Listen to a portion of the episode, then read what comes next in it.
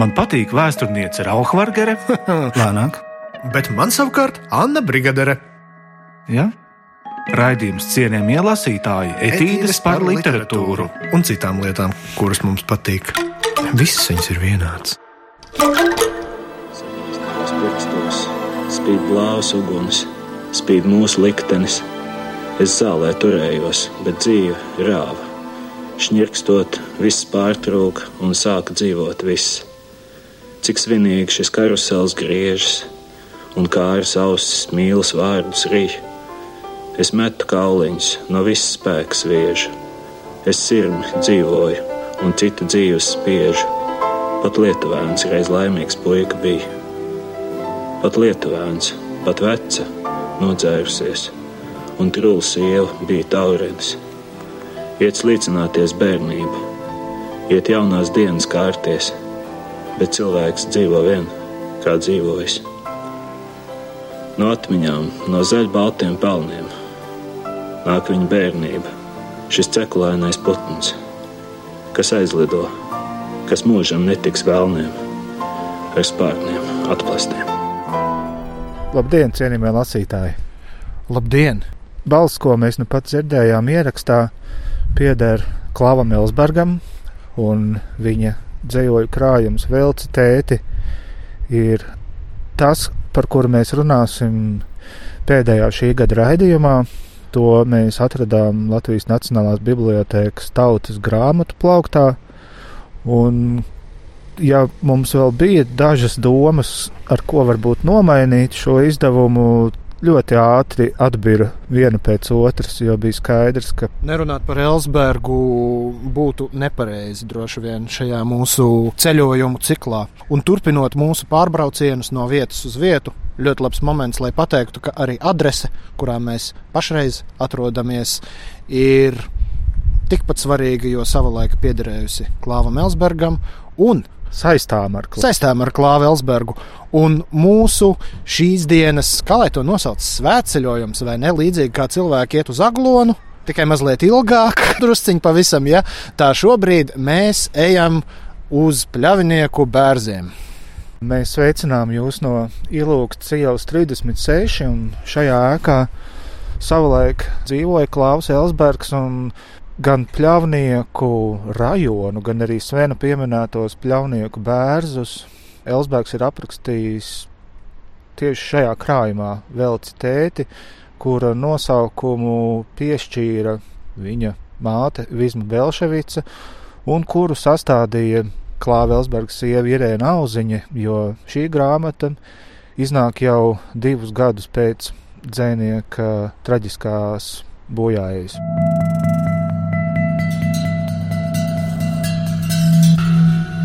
Es ļoti labi vēl aizvien atceros, ka tad, kad mums literatūras stundās pirmo reizi uzdeva lasīt Klāva Elsberga dzēju, viņš vispār bija viens no pirmajiem dzējniekiem, kurš ar mums, skolniekiem, laikam 7. vai 8. klases, tā vairs nebija kaut kāda formāla literatūra, kas pie mums atnākusi no 19. gadsimta un ir speciāli jāiemācās saprast. Tā bija literatūra, kas ir no šodienas un kas uzrunā precīzi konkrēti mūs. Un, lai gan es nekad mūžā nebiju bijis pļavniekos tajā laikā, mums skolotājs atceros piedāvāja vienu tu, no tu mācies Jā, Rēzeknē. jā, jā, lūk, un skolotāji mums piedāvāja vienu no gatavajām dzīslas interpretācijām, kas bija tāda, ka lūk, drūmās pļavnieku blokmājas, un šie daži bērni uzkalniņā, kā tāds maziņš dzīvības, nu tāds kā atspējs, maza dzīvības oāze starp visu to bezpersonisko un drūmo betonu. Bet tagad, ieraudzījis pļavniekus dzīvē, šodien ne pirmo reizi, Es iztēlojos ļoti hipertrofēti līdz šim vienmēr tos pļaviniekus. Man liekas, ka tas ir kā nu, no Orvela kaut kas tāds, ka tie, tie, tās eh, mājas ir bez mazvai 75 stāvīgas, un tie bērni ir tādi pavisam nīkulīgi un tā. Bet uh, nē, lūk, šeit ceļa galā redzam ļoti patīkams tāds pudurītis, pilsētas birstaliņa, Tiešām pilsētas bija. municipālā birstaliņa. Mēs Ejam uz varam, mēs varam uz turieni arī tagad doties. Jā, brīnot skaisti. Māju mēs esam apskatījuši. Arī šai ēkai priekšā ir bērns. Tur vispār ir daudz koku, ļoti zaļš rajons. Priekš, nu, nu, padomā, kādi vēl teiksim, varbūt tas ir tāds. Vispār viņš ir diezgan zaļš. Jā, šie māju bloki ir diezgan tuvu viens otram, bet Viņš, viņš, koku arī netrūkst. Pirmkārt, ir daudz koku, un otrkārt, viņš nav dehumanizēts ar to, ka tās mājas ir tik ļoti gigantiskākas par kokiem. Te ir koki, kas ir lielāki par mājām. Kas man šķiet ir svarīgi, jo tas parāda to, ka cilvēks vēl tomēr nav nospiedis dabu zem savu papēžu. Jā, tu pieminēji savu skolas laiku, un man jāsaka, ka arī es Tad, kad manās rokās nonāca franču autora dzējas izlase, es tevi turpinu. Viņai ļoti ātri sekoja arī Gijoma Polinēra krājumiņš gājiens, kuru Klaus Elsbergs atzīvoja. Un tad, nu jā, būtībā tā tad vispirms šī dzējas izlase, tāda Polinēra gājiens. Un trešā grāmata bija jau paša klāva dzējoļu, tie kopotie raksti, Viņi bija baltiem vākiem. Es neatceros vairs īsti izdevniecību. Varbūt tā bija Atēna, varbūt tā bija. Katrā ziņā, jā, es domāju, ka arī cienījamie lasītāji atcerēsies šo kopoto rakstu sēriju ar baltiem vākiem. Uz katra sējuma vāka bija cita Elsberga fotografija ar viņa portretu. Un, uh, līdz ar to vispirms mani uzrunāja franču dzinieki, un Elsbergs bija pirmais, kurš man tā var teikt, ieblieza pa smadzenēm un uh, kaut kādā ziņā aicināja vai arī mudināja pašam mēģināt to kaut kādu pirmo nervu sajūtu vai kaut kādu impulsu komplektu ietvert tieši dzējā. Un es zinu, ka es tāds neesmu vienīgais. Man ir aizdomas, ka man arī ļoti lielā mērā Elsbergs bija viens no tiem virzītāju spēkiem, jo tas, ko viņš patiešām brīnišķīgi parādīja, bija tas, ko mēs līdz šim esam redzējuši, varbūt kā tāda vulgāra, gandrīz vai tāda ielas stila piemērus. Kaut kādā negribās runāt par žargonu, jo tas nav gluži kunnos, drusciņš cits stāsts, bet tā kaut kāda mūsu laikmeta dzīves brutalitāte, pelēcība un kaut kāds tai atbilstošs runas veids, ka patiesībā tie ir arī tēlaini instrumenti, nevis tikai tas, par ko domārakstiem noņem atzīmītas uz leju. Tas man liekas bija tāds svarīgs moments, kurā ne tu, ne es vien, bet pieļauju, ka daudzi jauni literāti pēkšņi Elsbergs iedod mums kaut kādus jaunus instrumentus rokā un teica, šī ir tēlainība, bērni.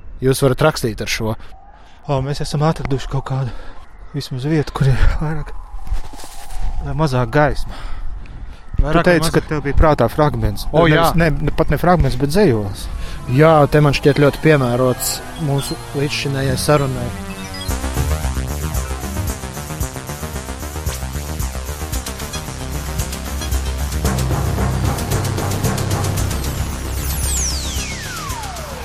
Mums reizēm ir labi, bet parasti nav. Kāds angliski runājošs zaķis nāk sapnī pie tevis un jautā, it's love? Un tu viņai saki, oh no. Ja būsi tik lēnīgs, dzīve ar vienu lidos tev sejā ar atsitienu, un reizēm tu nepašauji laikā roku priekšā. Well, sapnī kāds klauvē pie tavām acīm, un tu atsaucies iekšā. Kāds angliski runājošs zaķēns nāk smaidot pie tevis, make love, not war un tu viņai saki, nu, protams, to var, bet ja nu mums nesanāks, Bet šī tikai smejas. O, jē, viņa smejas. Amerika ies bojā, ja sāks. Well, tu viņu apskauj un jūties tik brīvi, kā planierītis pa seksa dzīvi. Bet radari nesnauž un drusku virs zemes skrien pavadoņi, ko apspīd mēnesis. Bet paliec pavisam uz manām lūpām, kā salda un mūžīga buča. Klau, paliec pavisam uz spilvena mana kā viegla, bet mūžīga smarža. Klau, paliec pavisam, mēs vasarā brauksim ar laivelīti pa gauju, saule spīd sejā un modinātājs PS I love you dzied. Jo lielākās bēdas nav meiteņu dēļ, kaut arī mīlība ir faktors, kam vajadzētu saulgozī dejot, nevis slapstīties kaktos.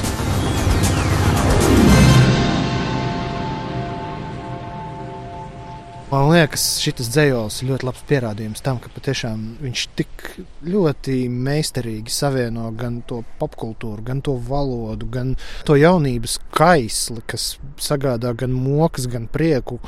Kolosāli tā visaptveroši tas viss ir. Viņš ļoti interesantā veidā līdzsvaro gan ironisku, gan ārkārtīgi atklātu attieksmi pret intimitāti, pret negluži vēl ne mīlestību Kaut gan arī par to, protams, jo krājumā ir arī gan par bērniem, gan par jau nobriedušākām attiecībām starp vīrieti un sievieti, bet viņš arī vivisecē kaut kādu. Vivisecē.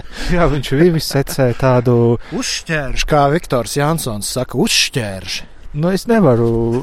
Man liekas, ka vārds uzšķērž ir kaut kādā ziņā Mēs varam paiet. Tas tā kā ar tām tresēm un kresēm. Nē, nē, manējais vivisece. un viņš parāda gan tādu pašsaprotamību, ka nu, tu jau tur nonāksi. Tu jau tur atradīsies kaut kādā brīdī. Jā, jā, mēs arī tur būsim. Ir arī tas dzējolis. Drīz jau būs pumpuri, sataisies vecīt.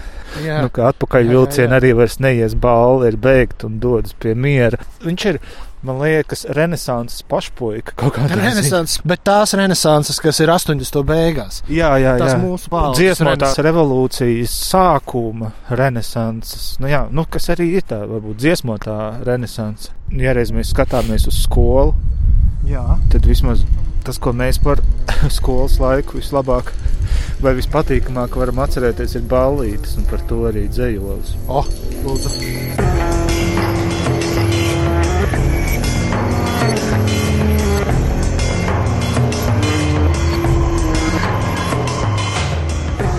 Laiku pa laikam es atminos ballīti, kurā es biju.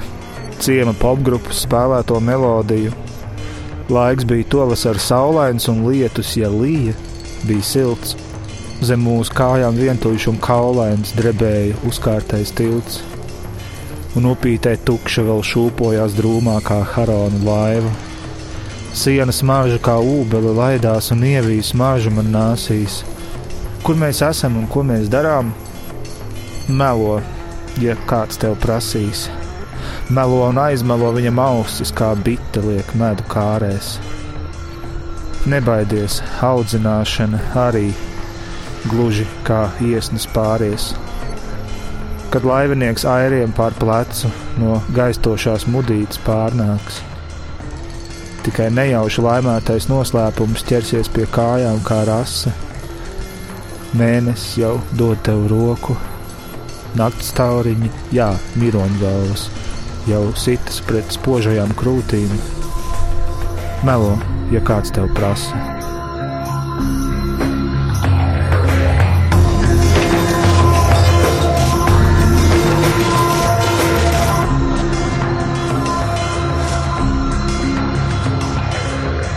Mēs ar tevi diezgan daudz esam mūsu raidījuma ietvaros runājuši par dzīslu muzikalitāti. Arī ne tikai raidījumu, vispār tā ir tāda dzīvē svarīga tēma. Nē, nu, protams, protams, bet, bet šobrīd mēs esam raidījumā, nu, kas ir arī dzīve. jā, lūk, tas ir svarīgi. Jā. Un uh, no vienas puses arī mm, ir zināms, ka mm, Elsberga dzēja ir ļoti plaši izmantota dažādu mūziķu dziesmās, bet tā muzikalitāte laikam jau nav par mūziku šobrīd, un arī ļoti nosacīti par dzēju. Es gribēju teikt par literatūru. Man liekas, ka tā muzikalitāte ir kaut kāds uh, realitātes pulsāciju satvērums, un pie tam tāds satvērums, kādu mēs to iespējams Nu, varbūt vienīgi Mārim Melngalvam vēl kaut kas tāds ir izdevies kaut kādā veidā vai kaut kādā paņēmienā. Es nemēģināšu vērtēt, eh, varbūt pēc kaut kādas tādas tendences, vai tas ir vienam dziniekam izdevies vai citam. Es drīzāk redzu, nu, ja mēs skatāmies un izbaudām Elsberga dzēju, no nu, ārpus jebkādas citas dzējas konteksta un vienkārši skatāmies, kā viņa dzēja iet kopā ar mūsu dzīvi. Nu, zini, ļoti bieži mēdz teikt, ka valoda vienkārši atspoguļo īstenību, bet man šķiet, ka ne tikai atspoguļo, man šķiet, ka arī ietekmē ļoti tiešā veidā. Kā teica Pāvils Bankovskis, tīzla valoda arī pasauli padara tīzlāku sev apkārt. Un man šķiet, ka Elsberga valoda brīžiem paņem kaut kādus tik ļoti krasus pagriezienus un kaut ko, kas patiesībā varētu būt maigs, juteklisks, kaut kāds, nezinu, baudkārs, kaislīgs vai vienalga kāds, viņa pēkšņi kaut kā hopā paņem 90 grādu pagriezienu, padara visu absolūti brutālu. Un, un jau nākamajā rindā atkal mēs esam atpakaļ kaut kādās savās smalko jūtu pasaulēs. Klaus Elsbergs, dzēnieks, kurš ir uh, iespaidojis gan radošas personības, gan cilvēkus, kas arī ir radošas personības, bet sevi vēl par tādām nu, nav atklājuši. Un tieši tāpēc man liekas, tas ir ļoti labs noslēgums arī šī gada ciklam. Nu jā, cienījamie lasītāji, tagad jau vairs negribās pēc šādiem tekstiem izplūst kaut kādos klasiskos apsveikumos. Drīzāk gribās pateikt kaut ko no sērijas novēlu jums 2018. gadu nosvinēt, noskaldīt un ierakt zemē. Nezinu, kāpēc. Varbūt tāpēc, ka no tā kaut kas jauns var izaugt. Jā, kaut kas jauns no tā, ko mēs esam piedzīvojuši, no tā, ko mums ir parādījuši citi un ko mēs esam paši atklājuši. Un, jā, ir jauns gads priekšā. Paldies, ka bijāt ar mums kopā šajos literatūras piedzīvojumos. Un lai skan grupa pērkons ar klāva Helsberga vārdiem. Sviniet uzmanīgi, jaunajā gadā lasiet vēl vairāk!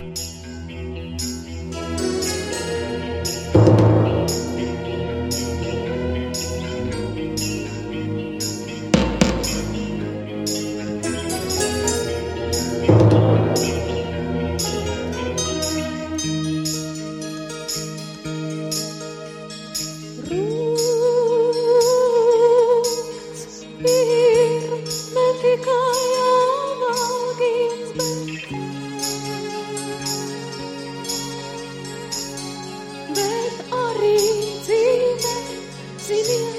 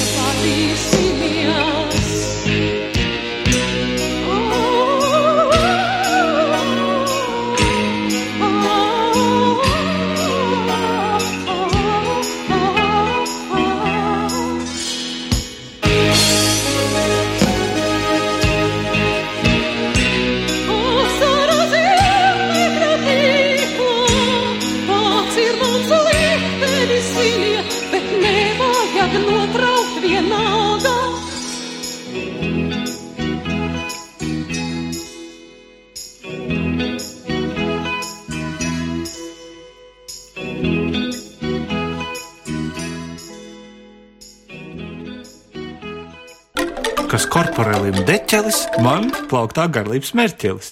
Lai aiz loga priežu sili dodiet man tik velgu krili. Ai, labi, viss. Nāve tās nav beigas. Cienījamie lasītāji, Etīdes par literatūru.